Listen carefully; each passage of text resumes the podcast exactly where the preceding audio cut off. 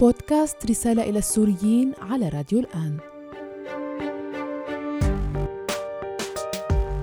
السلام عليكم. أنا أيمن عبد النور وبرحب فيكم برسالة جديدة للسوريين كل السوريين وين ما كنتوا تكونوا بأي مكان بالعالم داخل سوريا خارج سوريا. وبشكركم كثير على المتابعة القوية جدا حقيقة لكل المواقع سواء ال Apple Podcast أو ال Google Podcast أو ال Spotify أو موقع راديو الآن FM. خلينا كمان نشترك يعني وقت اللي خاصة بالآبل بودكاست نشترك فيه بشكل أي إمتى ما كان حطيت الحلقة رأسا بصير بيوصلنا إشعار سواء على الجهاز الكمبيوتر أو على الهاتف.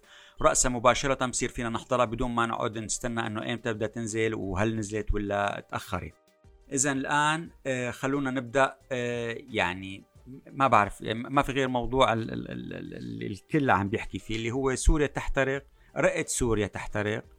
وقلوبنا تحترق حقيقة حتى نحكي لأنه هاي الأماكن اللي كلنا ما في حدا منا ما زارها وما صيف فيها وما عنده أصدقاء فيها وما عنده رفقات درسوا معه بالجامعة فيها. هي هي الرئة سوريا اللي, ب... اللي نحن كنا معولين إنه تنظف كل الأوساخ مو بس أوساخ الطبيعة أو أوساخ الغاز الكربون أو غاز نطفه لا تنظف الأوساخ اللي بقلوبنا بأفكارنا اللي عشعشت فيها آه، بعد عشر سنين حرب من الفرقة والإجرام اللي صار وبالتالي بدنا بحاجة كان لهالغابات تبقى تعطي هالرسوخ بالأرض هالشموخ بهالأشجار بهالمناطق الجميلة الطقس الرائع. ترجع تثبتنا بأرضنا أكثر وتعيد لحمتنا كان أكثر حقيقة أسف شديد. آه، خلينا نستعرض يعني في أنا طبعا هي صارت بلشه الجمعة فجرا. وأنا بسجل السبت فما عندي لسه كثير معطيات. رح الأسبوع اللي بعده رح أعطي معطيات أكثر لكن هلأ خلينا نستفيد. الشخص العلمي الوحيد اللي هو عالم المناخ بقسم الجغرافيا بجامعة تشرين الدكتور رياض قرا فلاح عمل حديث لوكالة أنباء وقال فيه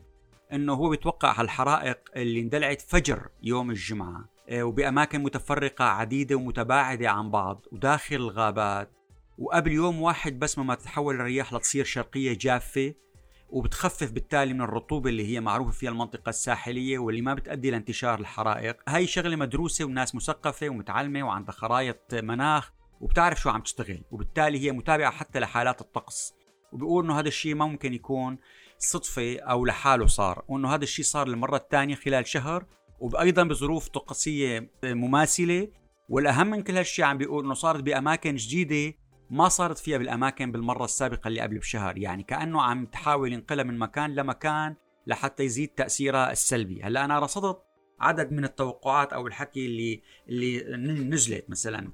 ناس عم بتقول إنه هي عملوها آه، جماعة المخدرات تجار المخدرات لحتى يصير عندهم أراضي ممسوحة داخل الغابات ويستخدموها في زراعة المخدرات.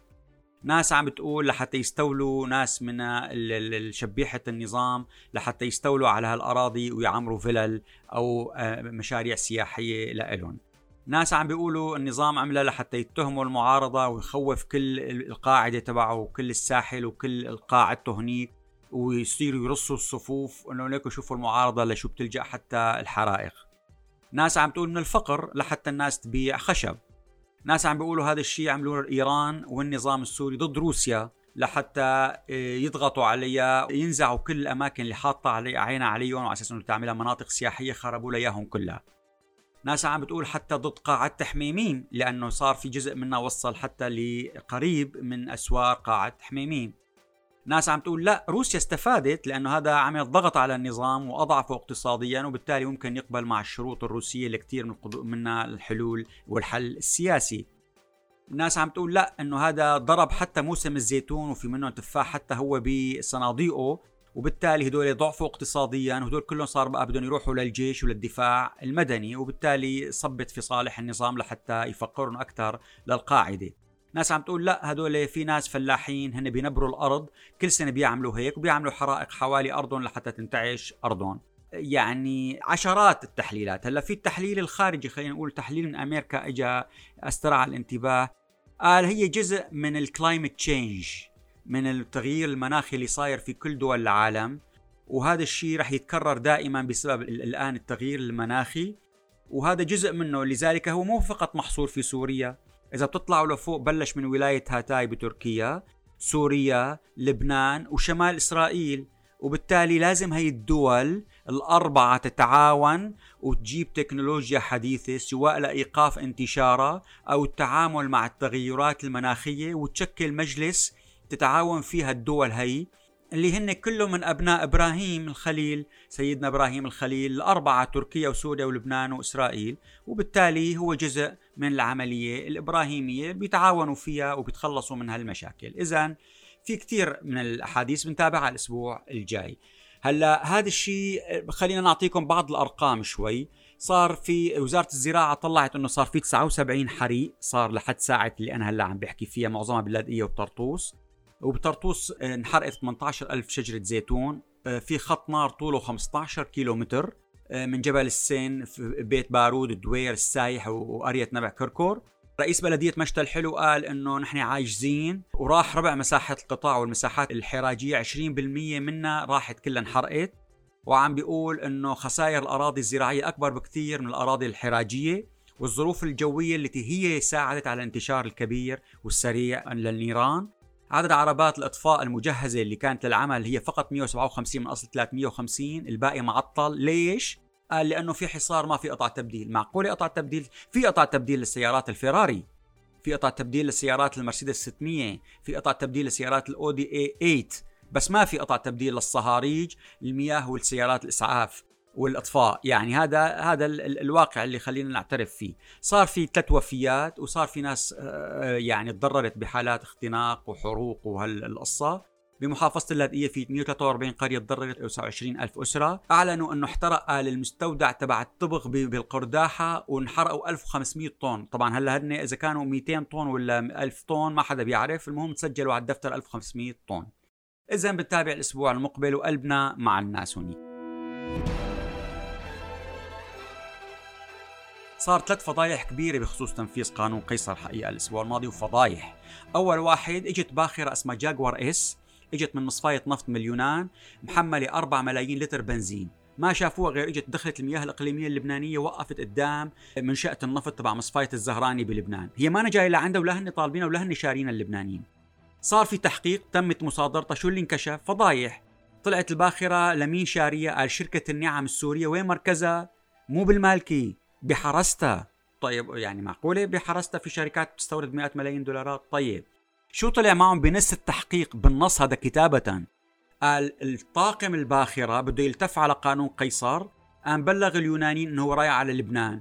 دخل على لبنان ووقف هنيك وكان نيته إنه يقعد يطفي أجهزة تحديد الموقع الجغرافي يقعد له كم يوم وبعدها يروح للساحل السوري ويفضي هنيك. اذا هي كمان على هي خطيا فضحت اثنين كيف عم يتهرب النظام السوري من العقوبات من استيراد كثير من المواد؟ شو عم بيعمل؟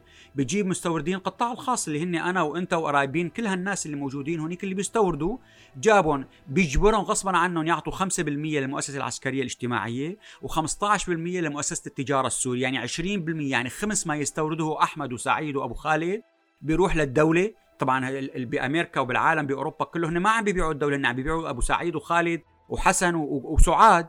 فاذا شو اللي صار؟ بياخذوا 20% وبيتهربوا من عقوبات قيصر.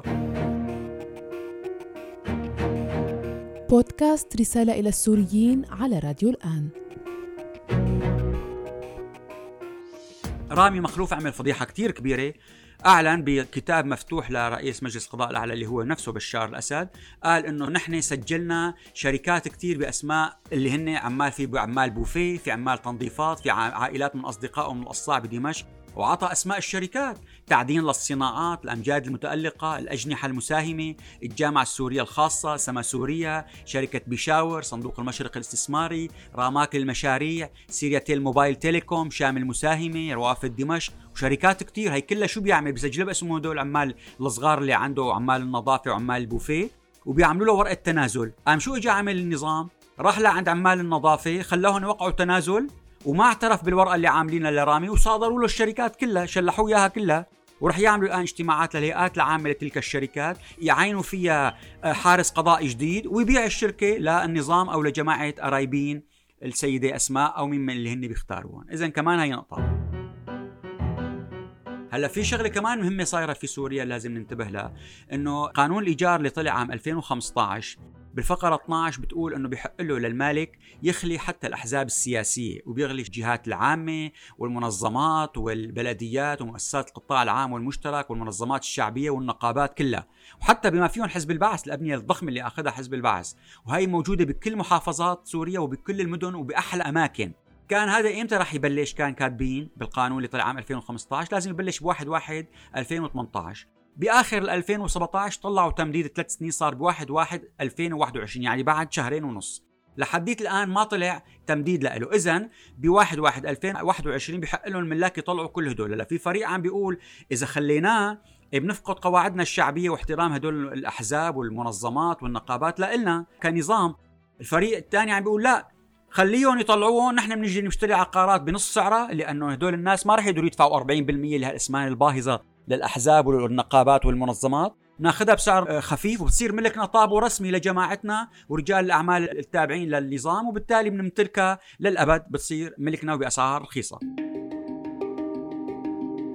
طيب يعني الآن العبارة اللي عم بسوريا داخل سوريا وحتى بروسيا وبين السوريين لك دوخونا الروس لك شو بدهم؟ لك فهمونا شو بدكم؟ هن نفسهم ما عاد عرفانين. كيف؟ هن علقانين ببعض الآن في صراع جدا كبير بين وزارة الخارجية وبين وزارة الدفاع بروسيا والكرملين عم يحاول يوازن لكن كمان هو ما عم بيتدخل كثير وخبيصة صايرة. كيف؟ لأن لكم الأسبوع الماضي وزير الخارجية لافروف بعد ما زار سوريا لأول مرة من بعد كذا سنة انقطاع عين رئيس دائرة الشرق الأوسط حطه قال موفد خاص له طبعا هو خبير بسوريا لأنه كان سفير روسيا بسوريا من عام 2014 ل 18 أربع سنين. طيب ليش لا يحطوا ما في ثلاثة مبعوثين ثانيين الأول هو مبعوث الرئيس بوتين لشمال أفريقيا والشرق الأوسط وهو كان مستلم الملف السوري لحدية عام 2016 كمان في المبعوث الثاني للرئيس بوتين اللي هو ألكسندر لافرنتيف لسوريا بس اللي استلم كل شيء وهو تابع لوزارة الدفاع وعم بينسق مع آه، شويغو وزير الدفاع وهو كان مستلم كل شيء في سوريا الملف. كمان يبدو آه، اجى الرئيس بوتين بال 2020 عين السفير السوري بدمشق هو موفد له لتطوير العلاقات مع سوريا. الآن صاروا أربع موفدين علقانين ببعض. فاجى الوزير الخارجية لافروف لحتى يصادر كل الملف وياخذه له نزل على سوريا وحط كل شيء تابع له إجوا وزارة الدفاع شو بدهم يعملوا نكاية فيه؟ هلأ بدهم يعملوا مؤتمر دولي للاجئين السوريين بنوفمبر تشرين الثاني بين 10 و14 الشهر. إيه شو دخل وزارة الدفاع الروسية تعمل مؤتمر بدمشق للاجئين السوريين؟ شو فهمها؟ ما هي فشلت مرتين من قبل وقت اللي طرحت المسودة الروسية إذا بتتذكروها للدستور آه، نزلتها للتداول العام ونظمت مؤتمر الحوار الوطني الفاشل بسوتشي بأول 2018 يعني ما خرجت تشتغل هالشغل. فالآن علقانين الدفاع والخارجية. مشان هيك شو صار اجى عمل بعد بشار الأسد وفد لموسكو برئاسة منصور عزام وزير شؤون رئاسة الجمهورية لحتى يطلب منهم مساعدات ويوقعوا على كل المطالب اللي طلبها منه نائب رئيس الوزراء الروسي وقت اللي كان بدمشق الشهر الفائت. هلا بيجيني السؤال واحد بيقول شو دخل منصور عزام بشغلة اقتصادية لها علاقة بتوقيع اتفاقات بقطاع الغاز والتجارة والزراعة والصناعة والطاقة والنقل والمياه وحطوا رئيس الوفد؟ ما دام في رئيس اللجنة الاقتصادية اللي هو مسابه نائب رئيس الوزراء السوري للشؤون الاقتصادية هو الدكتور محمد سامر خليل وزير الاقتصاد. شو دخلوا؟ لكم الجواب. نحن سألنا قال لأنه بعد كل اجتماع كان يطلع منصور عزام يحكي مع القصر ويحكي مع الرئيس ومع السيدة الأسمى ما بيسترجي يحكي آه، سامر الخليل. فاذا لحتى طبعا ليش ليحكي معهم؟ آه أنا لا لكم لأنه القصة هن مو رايحين مشان هدول المتطلبات ويوقعون على مشاريع الروس رايحين يطلبوا قرض عاجل ومساعدات آه، يفتحوا لهم خط ائتماني يستوردوا كثير من المواد من الأكل والتجهيزات الناقصة بسوريا لأنه سوريا مقبلة على وضع اقتصادي جدا صعب، لذلك بعثوا لمنصور عزام لحتى يقول لهم شو ما بدكم ويتصل مع الرئاسة مباشرة ويجي يوقع لأنه البقايا ما بيسترجوا. فحتى يبتوها بسرعة هذا اللي صار، ومع هيك بقول لكم إنه فشلت وروسيا لم توافق تعطيهم القرض ولا تبعت لهم المواد لأنه هن يابسين راسهم بالنظام وما عم بيتعاون باللجان الدستورية.